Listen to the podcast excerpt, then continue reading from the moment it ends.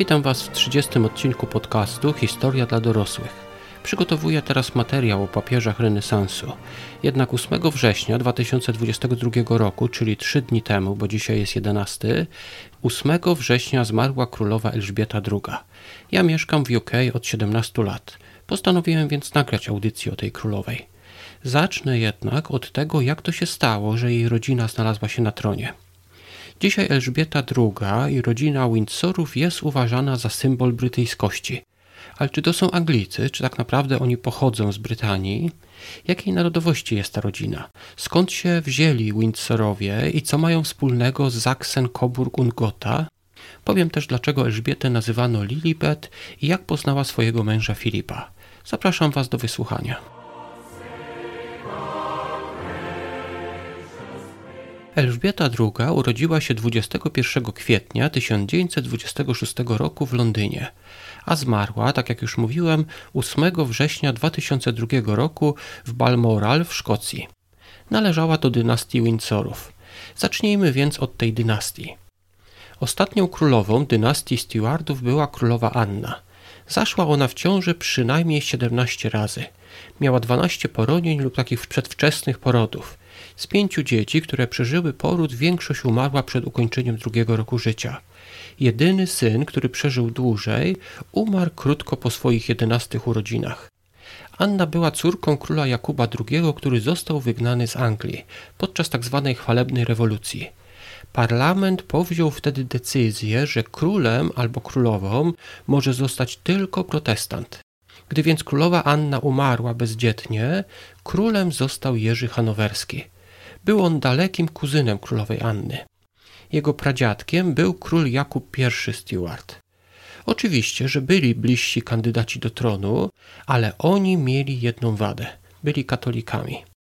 Tak więc na tronie angielskim pojawiła się dynastia hanowerska. Co jednak ona ma wspólnego z dynastią Windsor?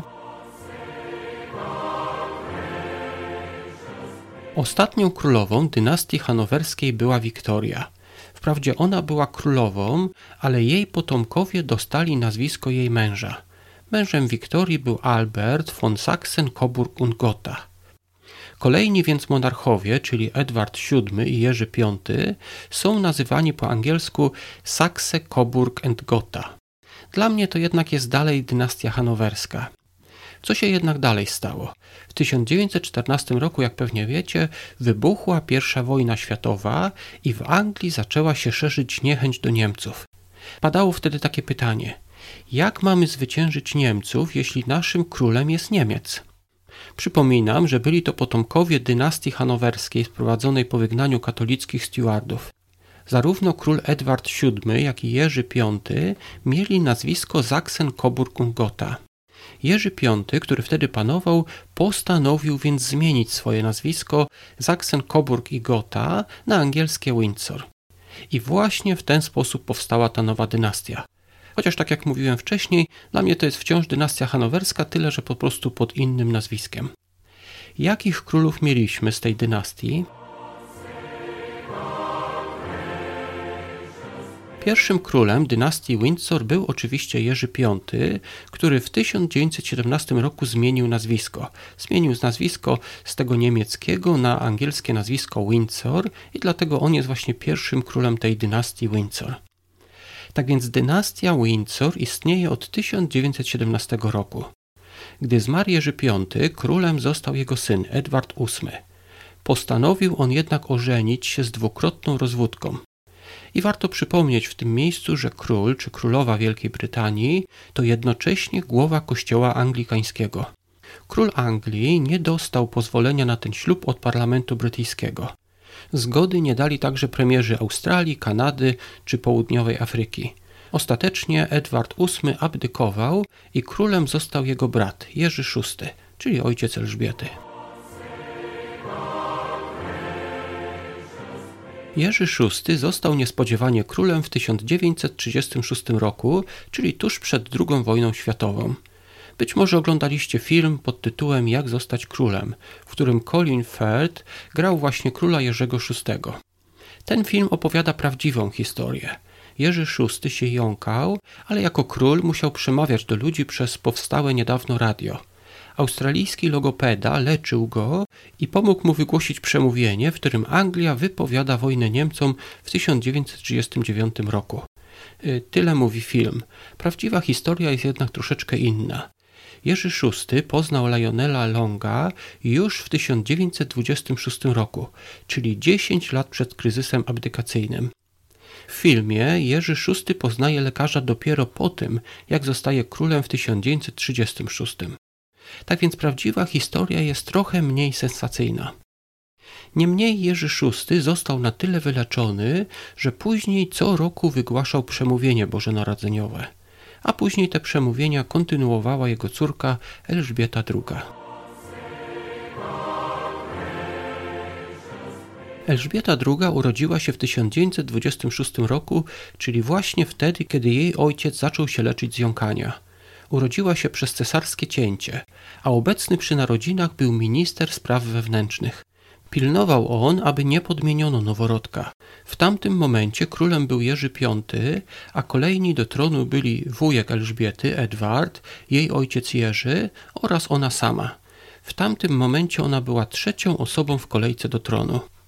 Oczywiście królem miał zostać jej wuj, co wydarzyło się w 1936 roku, gdy Elżbieta miała 10 lat. Edward VIII był królem przez prawie cały rok 1936. Został królem w styczniu, a abdykował w grudniu. Dokładnie 11 grudnia 1936 roku abdykował Edward VIII, a królem został Jerzy VI. Właśnie wtedy Elżbieta stała się pierwszą w kolejce do tronu po śmierci ojca. Jak każde dziecko, Elżbieta miała swoje śmieszne powiedzonka. Nie potrafiła na przykład wymówić swojego imienia Elizabeth, ale mówiła Lilibet. Tak więc nazywali ją najbliżsi. Trzymano ją z dala od innych dzieci, aby nie zaraziła się dziecięcymi chorobami. Niestety skutkowało to tym, że była dość nieśmiała i w zasadzie do końca życia tak było. Czasami ludzie zarzucali jej to, że nie była taka otwarta wobec innych ludzi. Pamiętajmy jednak, że to nie była duma, to była właśnie nieśmiałość.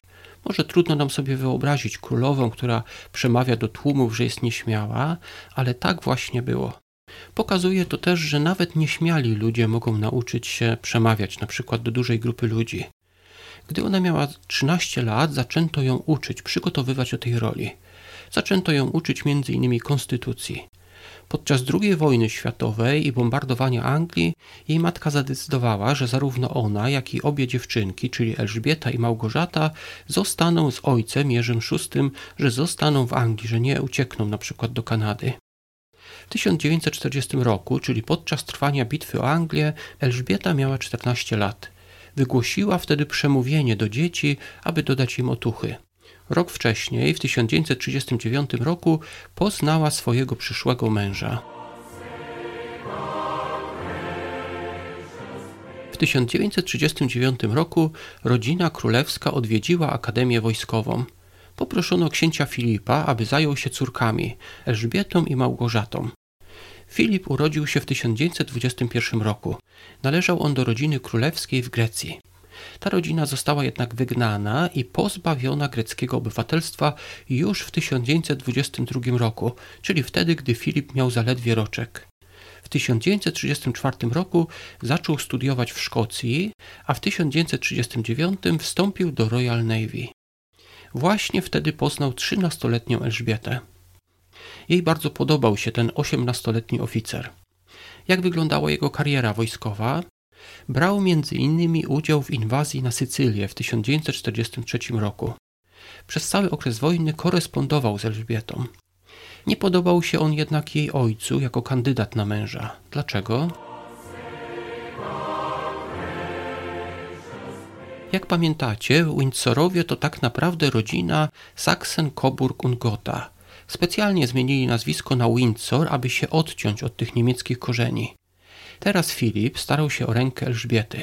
Filip pochodził z rodziny, która się nazywała Schleswig-Holstein-Soldenburg-Glicksburg. Była to wprawdzie duńska rodzina, ale przyznacie, że nazwisko brzmi bardzo niemiecko. Dodatkowo jego siostry powychodziły za mąż za niemieckich arystokratów. Król Jerzy VI patrzył dość krzywo, nie zabronił jednak tego związku. Kazał tylko czekać, aż Elżbieta będzie miała 21 lat.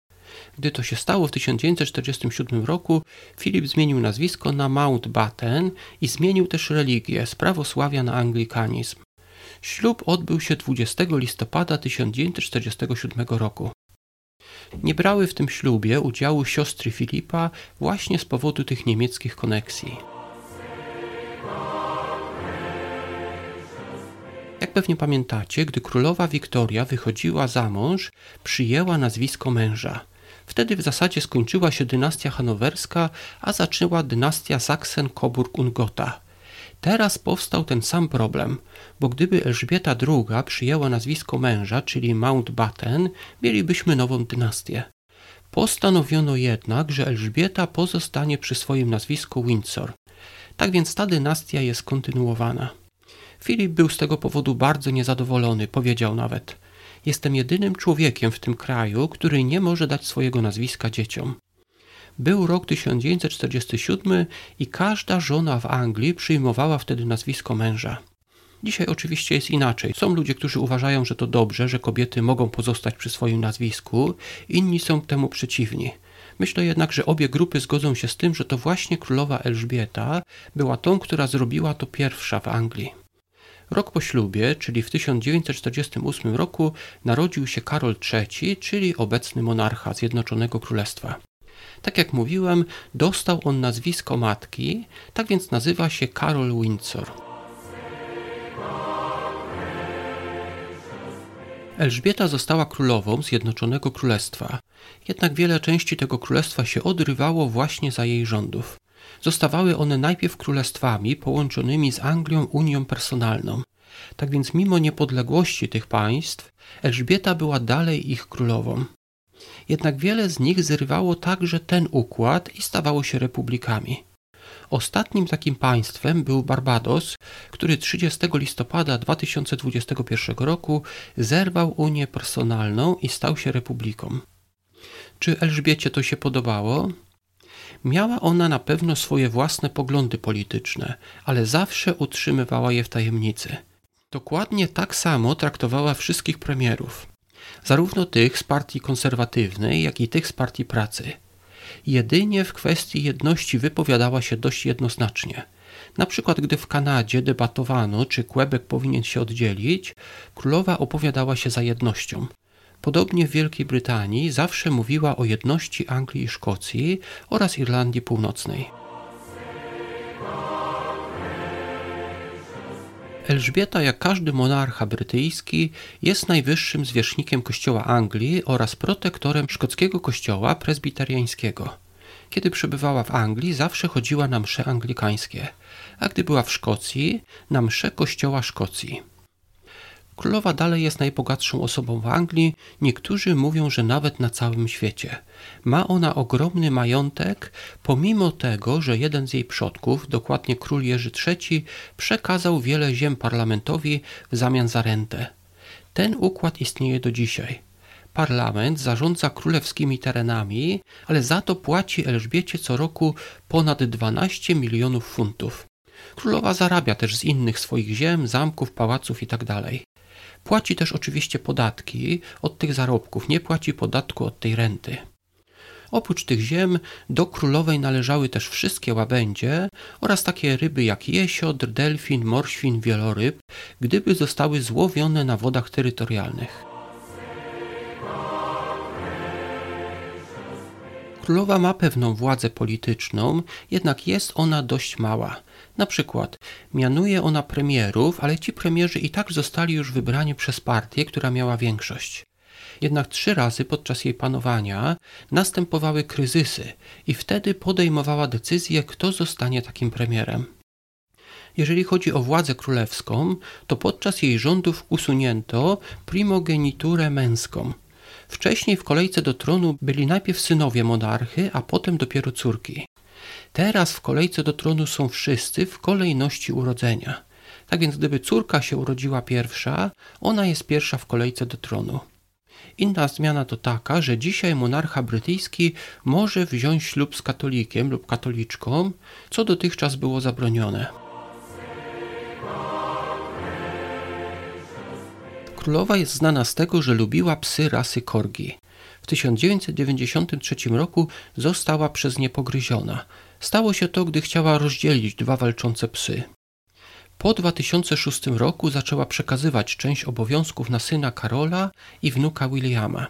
W 2021 roku zmarł jej mąż Filip. Być może widzieliście zdjęcia, jak królowa siedziała sama w ławce, siedziała sama z powodu obostrzeń covidowych. Tutaj w Anglii wykryto, że w tym samym czasie premier Boris Johnson organizował sobie imprezy. I ludzie porównywali wtedy zachowanie królowej, która przestrzegała tych norm, i premiera, który ogłosił te rzeczy, ale sam ich nie przestrzegał. W czerwcu 2022 roku obchodziła 70. jubileusz swojego panowania. Nagrała wtedy krótki film, w którym wystąpiła z misiem Paddingtonem. Wcześniej, być może widzieliście, w 2012 roku wystąpiła w krótkim filmie z Danielem Craigiem w roli Jamesa Bonda. Królowa Elżbieta II zmarła w Szkocji 8 września 2022 roku. Królem automatycznie został jej syn, Karol III. Przy okazji tych numerków warto wspomnieć, że Elżbieta II miała ten drugi numer w Anglii, ale w Szkocji była pierwszą Elżbietą. I właśnie z tego powodu w Szkocji niszczono skrót E2R, czyli Elżbieta II Królowa. Karol nie będzie miał tego problemu, bo liczba Karolów w Szkocji i w Anglii jest taka sama. Nie będę Wam opowiadał o wszystkich kontrowersjach związanych z rodziną królewską. Na przykład samej księżnej Dajanie można by poświęcić osobny odcinek. Warto jednak może wspomnieć o niedawnej sprawie. Jeffrey Epstein organizował party dla VIP-ów, na które zapraszał nieletnie dziewczyny. Jednym z tych, którzy tam jeździli, był książę Andrzej, syn Elżbiety II.